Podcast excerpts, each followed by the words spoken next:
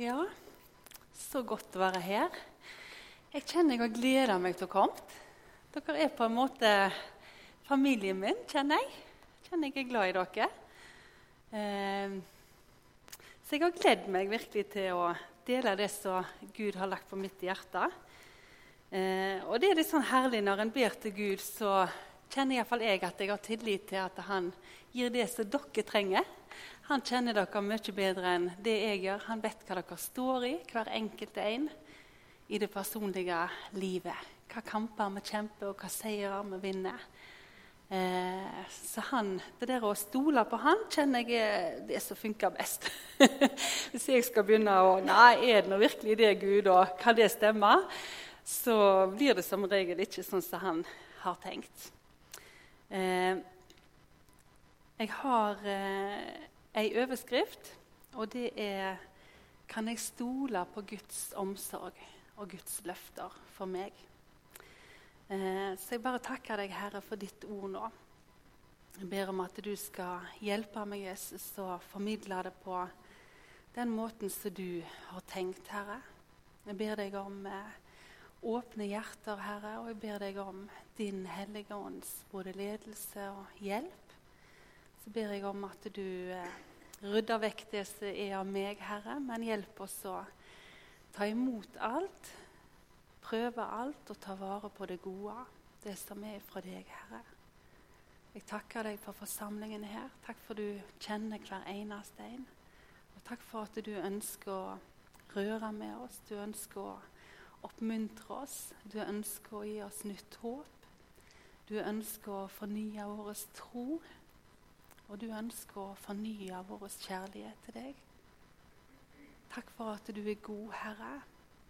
Takk for at du har framtid og håp, og ikke tanker til noe ond ulykke, men fredstanker, framtid og håp. Så bare legger formiddagen nå i din hånd, Herre. Amen. Ja eh, Den teksten jeg fikk når jeg eh, skulle begynne i dag, var faktisk andre Mosebok. Eh, når Gud leda eh, folket ut av Egypt.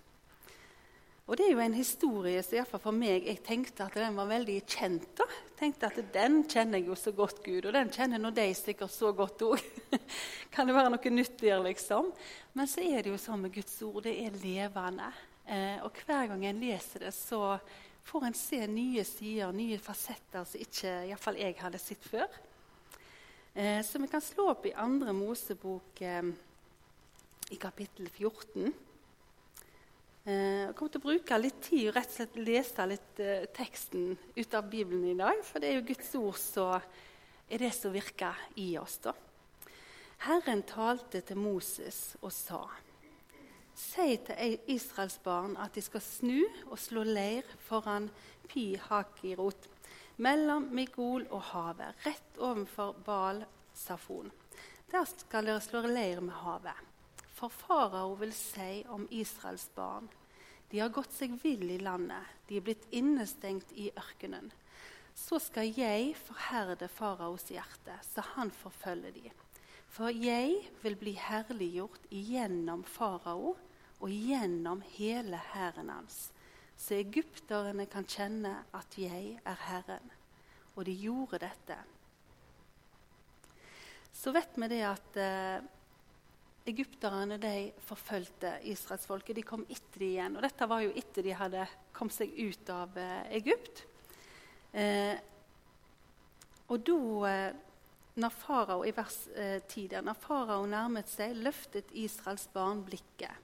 Og se, egypterne satte etter dem. Da ble de svært redde. Og Israels barn ropte til Herren. Da sa de til Moses.: Er det fordi det ikke fantes graver i Egypt, at du har tatt oss med for å dø i ørkenen? Hvorfor har du gjort dette mot oss og ført oss ut av Egypt? Er ikke dette hva vi talte til deg i Egypt da vi sa, la oss være i fred, så vi kan trelle for egypterne? Det hadde vært bedre for oss å trelle for egypterne enn å dø i ørkenen. Moses sa til folket, frykt ikke. Dere skal bare stille dere opp og se Herrens frelse, som Han skal fullbyrde for dere i dag. For slik som dere ser egypterne i dag, skal dere aldri i evighet se dem igjen. Herren skal stride for dere, og dere skal være stille. Herren sa til Moses, 'Hvorfor roper du til meg?' Si til Israels barn at de skal dra videre. Men du skal løfte staven din, rekke hånden ut over havet og kløyve det. Israels barn skal gå midt igjennom havet på tørr grunn. Jeg, se, jeg skal forherde egypternes hjerte, og de skal følge etter dem. Så skal jeg bli herliggjort igjennom farao og gjennom hele hæren hans, vognene og krigerne på vognene hans. Da skal egypterne kjenne at jeg er Herren, når jeg blir herliggjort gjennom farao, vognene og krigerne på vognene hans. Guds engel som gikk foran Israels fylking, flyttet seg og gikk bak dem. Og skystøtten forlot plassen foran dem og stilte seg bak dem. Så kom de mellom egypternes fylking og Israels fylking. På den ene siden var den sky og mørke, og på den andre siden gav den lys om natten. Så den ene fylkingen ikke kom nær den andre hele natten. Eh, der så jeg noe nytt. Jeg var ikke klar over det at eh, Gud satte skya imellom egypterne som kom etter, eh, og israelsfolket faktisk en hel natt. Jeg har jo sett disse filmene, og, og det var jo så kjapt alt skjedde. Og jeg har på en måte tenkt i mitt hode at eh, ja, de kom etter de og full frist, men det var faktisk en hel natt. Gud sette sin skystøtte opp og, og, på en måte hindre egypterne da, i å få tak i dem. Tenk deg det synet at de visste de var rett bak. Allikevel så hindra Guds støtte de å komme nær. da. Så rakte Moses hånden ut over havet. Herren dreiv havet tilbake med en kraftig østavind som blåste hele natta. Jeg har alltid tenkt at havet åpna seg sånn når, Moses rekte ut staven. Men det gikk faktisk ei hel natt. Østavinden måtte blåse hele natta. Og Moses måtte stole på at Gud gjorde det han hadde sagt. Jeg har alltid tenkt at det skjedde umiddelbart. Jeg vet ikke om du òg har tenkt det. Men han måtte faktisk stå der og se. Så kom vinden, og litt etter litt etter litt etter litt så skjedde det som Gud hadde sagt. Men det skjedde ikke umiddelbart. Og mange ganger så er det jo sånn med ting som Gud taler i mitt liv òg. Jeg kan be om ting, vi kan ha ting i våre liv som vi kjenner på at ja, men Gud, du ga meg et løfte på det. Men det skjedde ikke umiddelbart. Stoler jeg på Gud mens jeg venter? Eller mister jeg motet? når ikke det skjer så kjapt som jeg hadde tenkt. Vi er jo en litt sånn fast food-generasjon, da. Iallfall er jeg det. Jeg vil be, og så vil jeg ha svaret der og da. Men Gud vil vi skal stole på Han. Og jeg tenker, Det står at han forherda Israels, nei, eh, Egypts hjerte, faraos hjerte, for å vise sin allmakt. Gud tillot at egypterne kom etter dem. Gud ønsket det for å vise både israelsfolket og egypterne at jeg er Herren. For å skape tro i dem, og for, de, for å la dem få en erfaring av at jeg er den jeg sier meg å være. Jeg fullfører det jeg har sagt. Og òg til Moses, det der å gå på troen. Og jeg tenker, Dette er jo etter de har opplevd mirakel etter mirakel etter mirakel i Egypto. da. Gud gjorde det ene tegnet etter det andre. Allikevel så klarte de ikke å tro. Har det ført oss ut i ørkenen for at vi skulle dø? Det har vært bedre for oss å være i Egypt. Det var vanskelig for dem å tro, selv om de hadde sett det ene etter det andre rett foran øynene sine. Til og med dødsengelen gikk forbi. De strøyk blodet over dørkammerne. Til og med ikke et sånt, etter et sånt mirakel klarte de å stole på Gud. Og det står jo alle disse prøvelsene som Gud sendte på egypterne da, før han fridde de ut, israelsfolket, var jo for å vise både for farao og israelittene at jeg er Gud. For å, gi oss, for å gi dem minner om hva Gud har gjort. For å vise sin allmakt.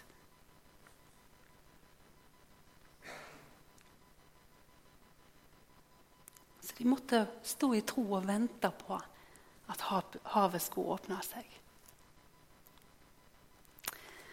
Så ser vi de komme igjennom, og så vet vi jo, de fleste av oss kjenner historien, men jeg sier det likevel, at egypterne ble jo begravd i sjøen. De dør jo fordi at Gud lukka vannet over dem når israelittene var kommet igjennom. Eh, og Så går det en liten stund. Så ser vi her i kapittel eh, 15 at de sang lovsanger for Herren. 'Jeg vil synge for Herren, for Han er høyt opphøyd.' Da var de på høyden igjen, vet du. Egypterne var styrta i havet. Og Herren er min styrke og lovsang.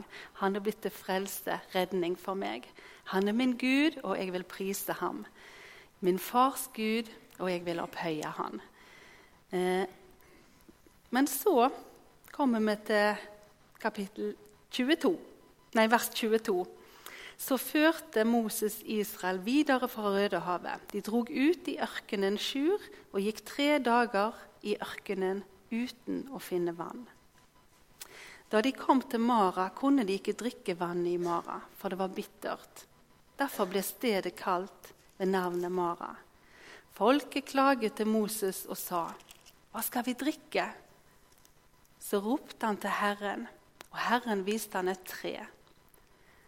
Da han kastet det i vannet, ble vannet friskt. Der la han fram lov og rett for dem, og der satte han de på prøve. Han sa, hvis dere lytter nøye til Herren vår Guds røst, og gjør det som er rett i Hans øyne, hvis dere legger øra til Hans bud og holder alle Hans lover, da skal jeg ikke legge på dere noen av de sykdommene som jeg la på egypterne for jeg er Herren, Han som helbreder dere. Og de slo leir med dette vannet. Eh, og Så kan vi se videre at de klager, for de har ikke mat. Og Gud han sender vaktler om kvelden, og han sender manna om morgenen, som ligger og venter på dem. Men så sier òg eh, Herren at dere må ikke, dere må ikke samle eh, spare på det. Dere skal kun spise, ta så mye manna som dere har til den ene dagen. Men du vet, de klarte ikke å stole på Gud da heller. De tenkte vi må jo hamstre litt tilfelle ikke det er i morgen. Eh, og da gikk det mark, mark i de, og det begynte å stinke, disse mannene. Eh, kun én dag i uka, og den sjette dagen da lot Gud det være manna for to dager. Da kunne han vare to dager, men ikke de andre dagene. Det er fascinerende hvordan han sier ta bare sånn at du akkurat har nok. Og vi vil jo gjerne, Når Gud svarer, så vil jeg jo gjerne liksom være sikra for en lang framtid. Men det er noe med det der. Jeg tror Gud ønsker at vi skal være avhengige av ham hver eneste dag. Vi skal komme og få mat til hver eneste dag. Han vil forsørge deg hver eneste dag. Men jeg tror han ønsker at du skal stole på han for, for den forsørgingen hver eneste dag. Ikke hamstre. Gav han de tydelig. Og vi er jo i vår generasjon Er det noe vi kan, så er det jo hamstring og sikre framtid og Sant? Men Gud vil vi skal stole på han. Det talte iallfall til meg. Eh, og så står det videre her at Gud sa til dem ta vare på en manna, oppbevar han i lag med paktsarken, sånn at det blir til et tegn for dere, så dere husker min omsorg. Og jeg tenker på, Det er så lett å glemme bønnesvar, og det er så lett å glemme Guds omsorg. Tar vi vare på minnet om Guds omsorg? holder vi det foran blikket vårt. Jeg så en film som heter War Room. Dere har gjerne sett den. En fantastisk film om, om, kraften i bønn. Men jeg syns hun hadde en, en, fascinerende Hun hadde laga seg et bønnerom, hun her dama som filmen handler om. Eh, og Der hadde hun et bilde som hun hadde ramma inn, hvor det sto en del setninger. Og Det var da bønnesvaret hun hadde fått. De ramma inn, så de hang på veggen i dette bønnerommet. Sånn at det var det hun så når hun kom inn der. Og det gjør jo noe med oss når vi på en måte løfter fram bønnesvaret. Jeg kjenner jo når jeg får vitne om Guds storhet i mitt liv, når jeg får fortelle andre hva han har gjort, når jeg minner meg sjøl på bønnesvarene, da kommer takknemligheten opp. Eh, og da blir Gud større. En viktig grunn til at vi lovsynger, er jo for å fortelle mitt, min sjel lov Herren. sant? Fortelle mitt indre om Guds storhet. Gud vokser i mine øyne først og fremst når jeg lovsynger han, når jeg ærer, når jeg forteller meg sjøl hvem han er. Det er en av de viktigste grunnene til at jeg, jeg lovsynger. For jeg trenger å minne meg. Det er så mye annet som bombarderer meg med alt mulig annet i det samfunnet vi lever i i dag. Eh, og det er ikke det mine, Hvis jeg skrur på TV eller radio, eller hva det måtte være, så er det ikke på en måte Guds storhet som bombarderer meg. Det er alt mulig annet. Så jeg trenger å fylle meg. Det mitt, min, mitt hjerte er fylt over, det er det som kommer ut av min munn. Hva er hjertene våre fylt over med? minner vi oss sjøl på Guds godhet i vårt liv? Ser vi hans utfrielse som israelsfolket, da? Eller glemmer det med, en gang det dukker opp et behov? det er lett at det utfordringene og problemene er det som blir øverst og mest synlig i vårt liv. Jeg kan iallfall kjenne på det, og helt sikkert du òg. Regner med vi er ikke så ulike. Så kan vi se videre, vet du kommer de i kapittel 17. Så la hele menigheten av Israels barn ut på reise fra ørkenen etter Herrens ord, og de slo leir i Refidim. Men der var det ikke vann for folket å drikke. Derfor anklaget folket Moses og sa, Gi oss vann, så vi kan drikke. Da sa Moses til dem, Hvorfor anklager dere meg? Hvorfor frister dere Herren? Folket tørstet etter vann der. Så folket klaget til Moses og sa, 'Hvorfor har du ført oss opp for Egypt?' og la oss barna budskapen vår dø av tørst. Og da hadde Gud vist dem mirakel på mirakel på mirakel. Det hadde regna ned vaktler fra himmelen og manna på gresset, og allikevel så tror de de skal dø. Da ropte Moses til Herren og sa:" Hva skal jeg gjøre med dette folket? Det er ikke lenge før de steiner meg. Herren sa, gå fram foran folket og ta med deg noen av de eldste i Israel. I hånden skal du ta med deg staven du brukte da du slo på elven. Og så skal du gå. Se, jeg skal stå foran deg der på klippen i Horeb. Du skal slå på klippen, og det skal komme vann ut fra dem, så folket skal få drikke. Gud er trofast. Han forsørger dem igjen og igjen og igjen. Ennå de igjen og igjen tviler på hvem han er. Det skal ikke gå mange dagene med behov. Så begynner vi å tvile igjen. Sant? Han kjenner oss, han vet hva som bor i oss. Og det kom ikke overraskende på han. Glem ikke alle hans velgjerninger. Og jeg tenker Det å bo i Norge ser vi bønnesvarene hver eneste dag.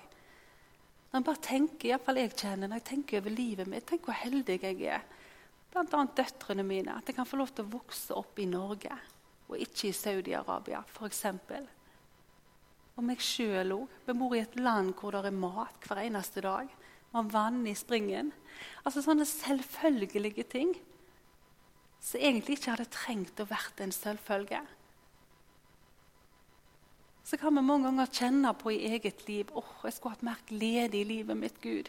Jeg skulle vært en glad kristen. Mange av oss ser jo ut som vi kommer rett ifra gravferden. Men vi har så masse å være takknemlige for. Men er det det jeg løfter opp i mitt indre?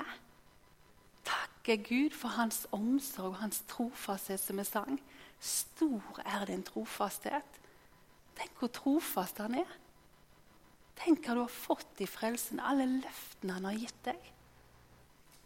Det er så mye oppmuntringer. egentlig Bare å løfte blikket ditt og se rundt deg. Og ja, vi kan ha utfordringer. Alle tror jeg av oss har kjent på det, for det å bli frelst er ikke å være fri fra problemer eller utfordringer. Men vi har en som har lovt å være med oss igjennom alt. Han svikter oss ikke, han forlater oss ikke. Han har lovt å gå med oss hver eneste dag. Går du gjennom vannene, så skal ikke de skylle over deg.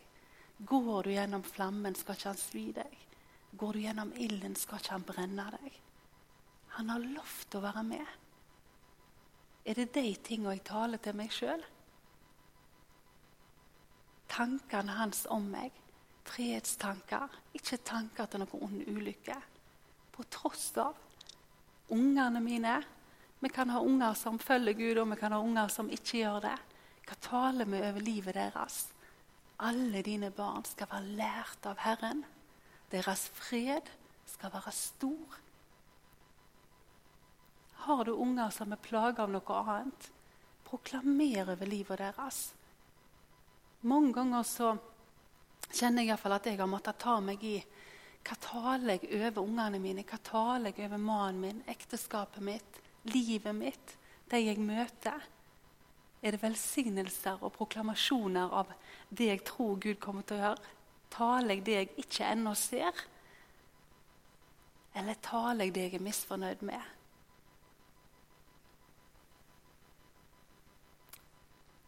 Død og liv ligger i tungens vold.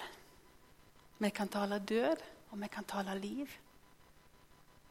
Og vi har fått autoritet med navnet Jesus til å binde opp og løse det vi har bundet her på jorda, er bundet i himmelen. Og det vi har løst her på jorda, er løst i himmelen. Bruker vi autoriteten vår i Jesu navn? Er det det som driver meg når jeg ber? Eller blir det på en måte et klagekor, også? glemmer jeg å proklamere, glemmer jeg å si? For det gjorde jo David. og Han, sa, han auste jo ut hjertet sitt til Jesus og til Gud. sant? Alt som var gale. Men så avslutter han alltid 'Men du, Gud, har sagt.' 'Men du, Gud, er.' Er det det som kommer ut av vår munn når vi ber? For da vil vi kjenne en oppdrift i bønnelivet vårt. Da vil vi kjenne at vi blir fylt av tro og kan bli stående. Jeg tenker Den reisen som israelsfolket og mange av dem kom jo aldri inn i løfteslandet. Ennå Gud hadde jo lovt det så tenker jeg hvorfor, hvorfor kom de ikke inn? Hvorfor tok en reise som egentlig Hvis vi ser på kartet, da, selv om de er gjerne ikke helt oppdaterte i, i Bibelen eh, Det tar ikke 40 år, den vandringen der. Men det tok 40 år. Eh, og jeg tror at mye av grunnen til at det tok 40 år, var gjerne handlingene deres underveis. Jeg tror Gud ville lære dem noe på vandringen. Eh, og jeg kjenner iallfall i mitt liv at jeg trenger å lære en del ting på min vandring. Og sikkert du òg, som både former min karakter, den jeg er, eh, gudsforholdet mitt, eh, tilliten min til Han. Jeg trenger å gjøre meg en del erfaringer, og da må jeg ofte gå igjennom ting. Mens det stod, Jeg husker ikke hvem som sa det, men det var dette Går du gjennom dødsskyggens dal, fortsett å gå. gå igjennom. For vi vil gå igjennom prøvelser, alle av oss. Men vi skal komme igjennom. Vi har et løfte om at vi kommer til å gå igjennom. Ikke bli værende. Ikke slå leir der. Eh, så kan vi bla oss videre fram til Fjerde Mosebok. Eh, kapittel 13.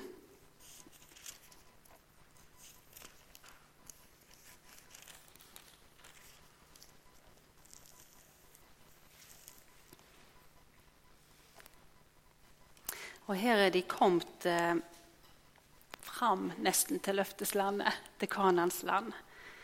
Eh, Herren talte til Moses og sa.: Send ut noen menn for å speide på Kanans land.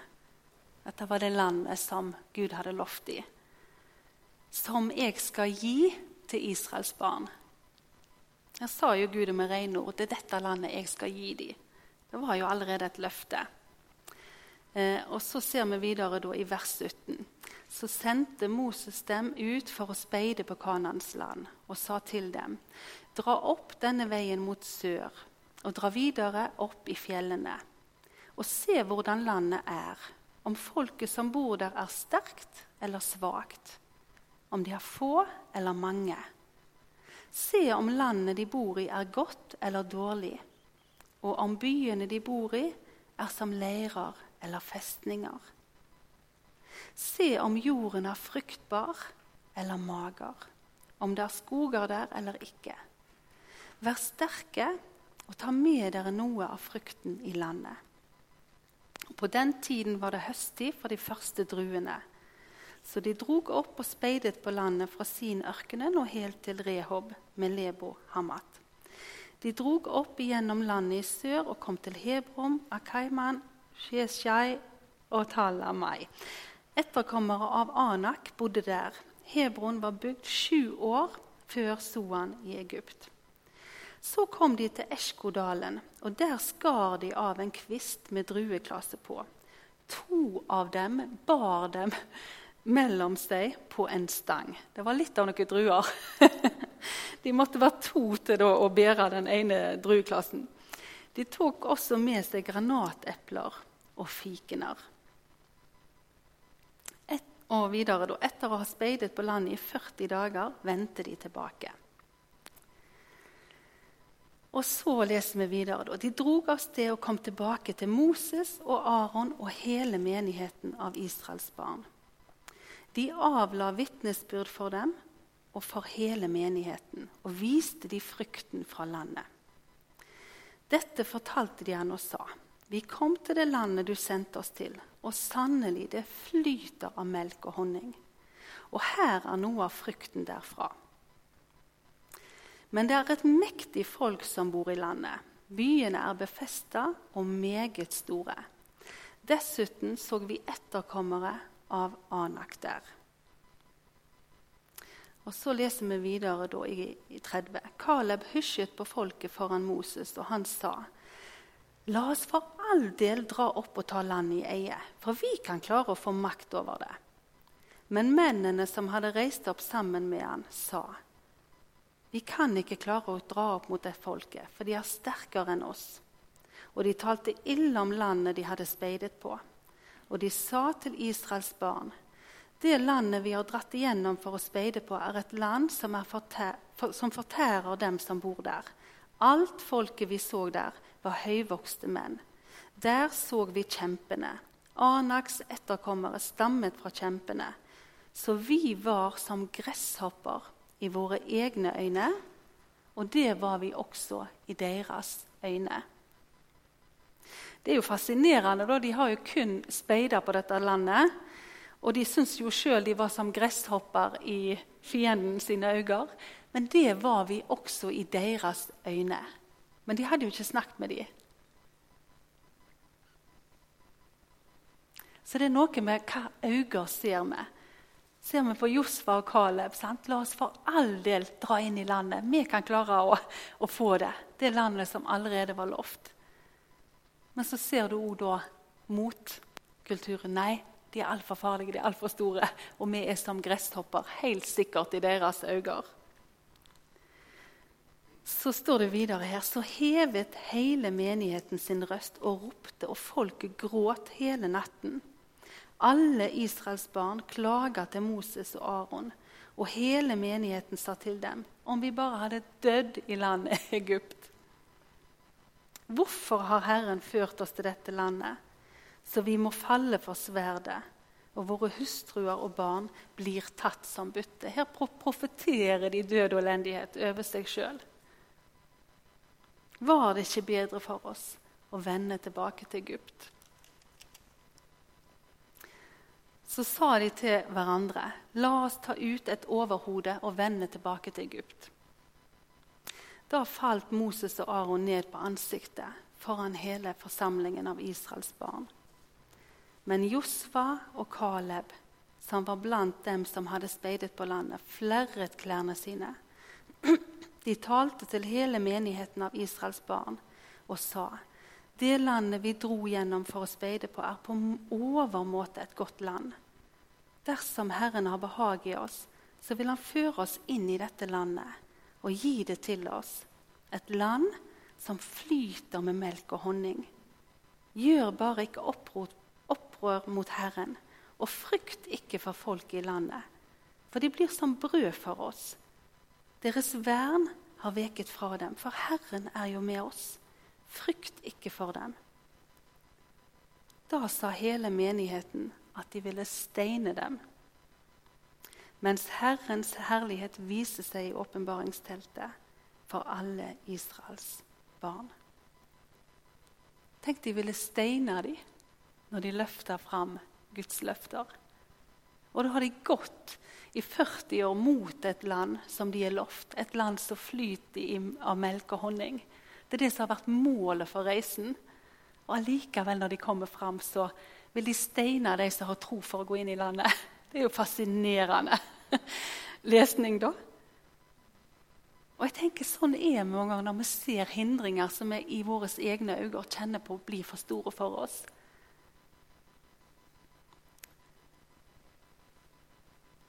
Og så tenkte jeg litt ja, hva kan denne teksten bety for oss, for meg? Og for dere i dag.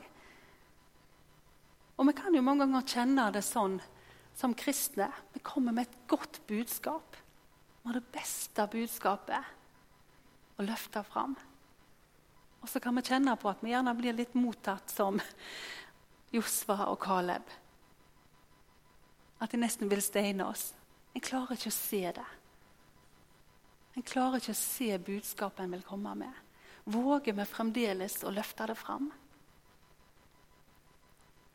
Og jeg tenker Det var de som løfta det fram og hadde tro på det, som kom inn i løfteslandet. Kun de. Det er òg en tanke.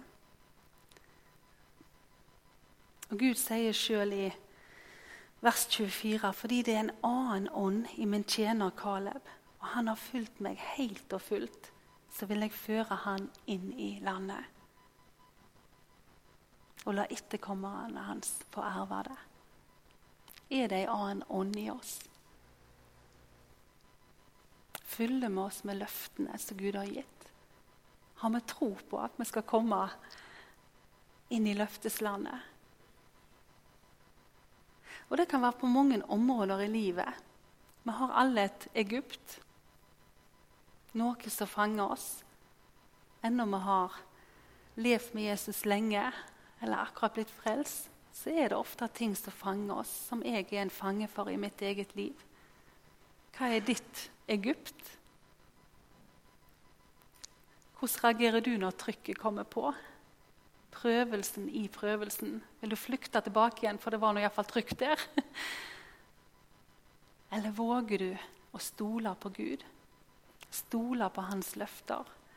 Og tenkte òg på dette med å stole på. Jeg syns Stefan Stamonsen har et fantastisk bilde der. Han liker så godt det norske ordet 'å stole på'. For Skal du sette deg på en stol, så må du flytte hele vekta di over på en stol, over på et noe annet, et fremmed element, og stole på at det bærer deg. Gjør jeg det i mitt Guds liv? Våger jeg å flytte hele min vekt over på han.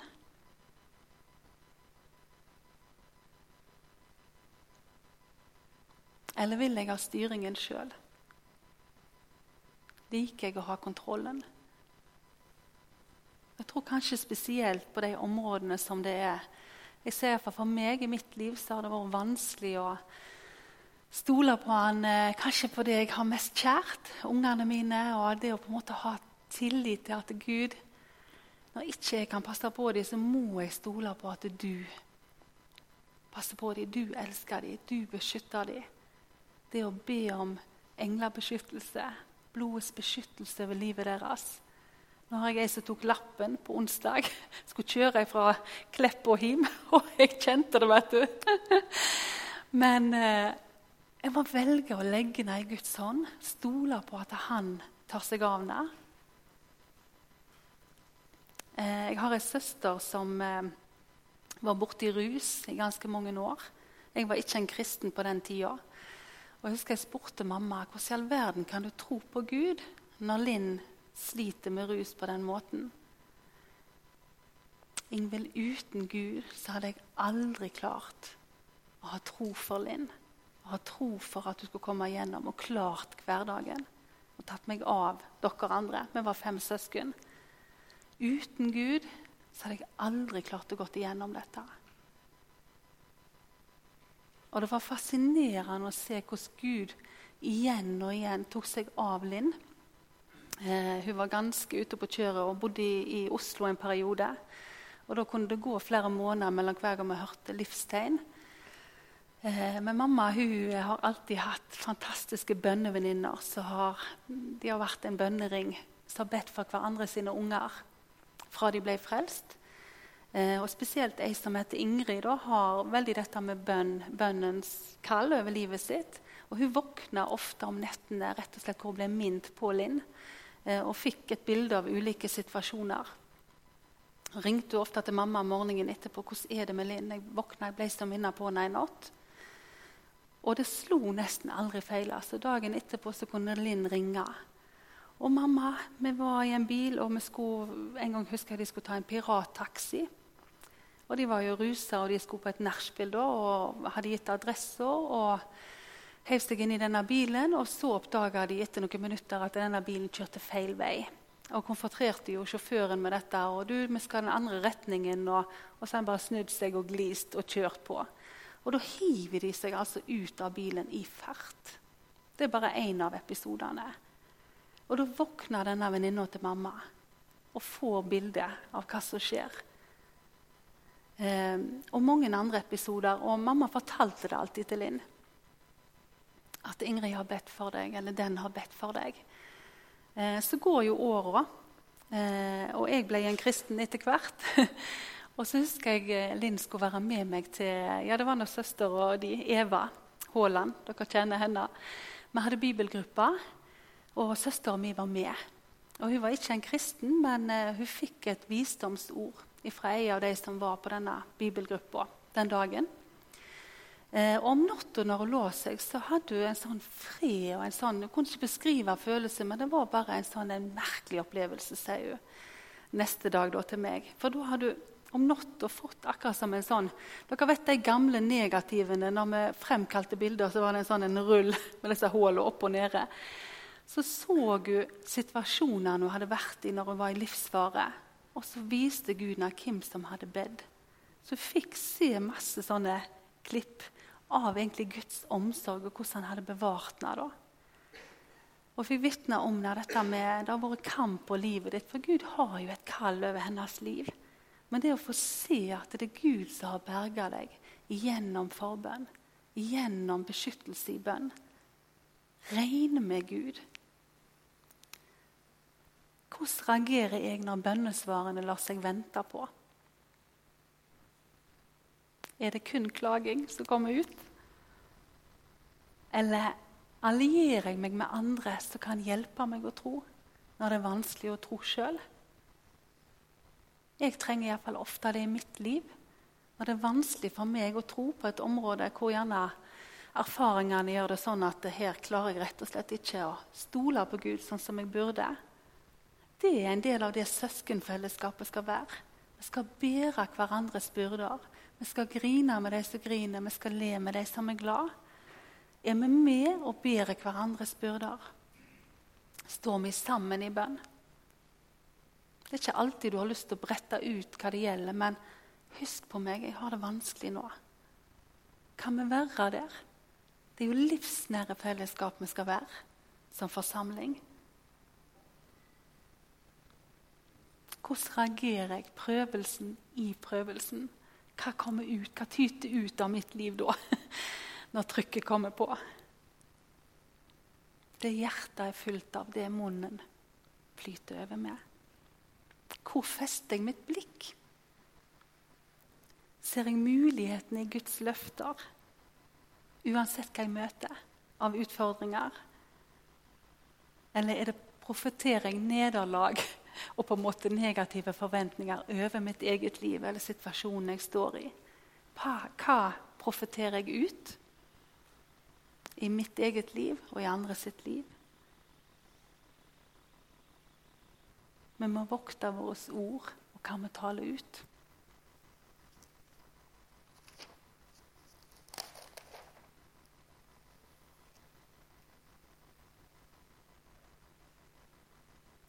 Så egentlig mitt budskap i dag Vi har mange løfter i Guds ord. Og Du har fått løfter som Gud har talt til deg. Noen har du gjerne bare gravd ned, for du har ikke sett det skje. Kanskje jeg var for hovmodig som tenkte sånn og sånn og sånn. Vekk opp igjen drømmene. Vekk opp igjen de løftene Gud har talt til deg. Både som enkeltpersoner og forsamling. Hva har Gud sagt? Hva er hans tanker? For hans tanker er høyere enn våre. Vi tenker som regel for smått, for vi tenker på vår kapasitet. Regner du med Gud i det du tar deg fore? Jeg kjenner iallfall i mitt liv når jeg vågte å trø på vannet Dere var en del av den eh, prosessen i mitt liv. Jeg hadde aldri sett for meg jeg skulle bli en forkynner. Jeg så, hadde grinestemme hver gang jeg skulle eh, nesten si navnet på sangen jeg sang. Og det gikk jo ikke an. Eh, så jeg så ikke helt den komme da. Eh, men men Gud har høyere tanker om meg enn jeg har sjøl. Og når jeg våger å gjøre meg avhengig av Han Jeg vet at jeg kan ikke, jeg kan ingenting i meg sjøl. Men med Hans makt så kan jeg. Og det er med, det er litt sånn god følelse å bare være avhengig av Han. For da slipper jeg å styre sånn sjøl. Sånn som nå I helga har vi hatt full bursdagsfeiring. Det har vært 18-årsdag, og det har vært folk fra morgen til kveld og overnatting. Og, og det visste Gud. Så jeg tenkte du må bare gi meg et ord, Gud. Jeg kan ikke sitte i sju timer og forberede meg sånn som jeg hadde likt, for jeg ønsker å ha kontroll. Så her må du bare gi meg det jeg trenger. Og det gjør han. Han svikter ikke. Og han gir dere det dere trenger. Så det å våge å ta noen nye steg med Gud, våg å tro Han Får du en tanke oppi ditt indre som egentlig er litt for hårreisende til at du kan klare det, det er nesten litt sånn egentlig tegn på at det er Gud, for da trenger du Han. Da trenger du Hans hjelp. Min hjelp kom ifra Herren, himmelens og jordens skaper. Jeg løfter mine øyne opp mot fjellene. Hvor skal min hjelp komme fra? Hvor fester jeg blikket mitt? Løfter jeg det? Eller er jeg kun fokusert på Og det er motbakke det går oppover. Men han vil være med.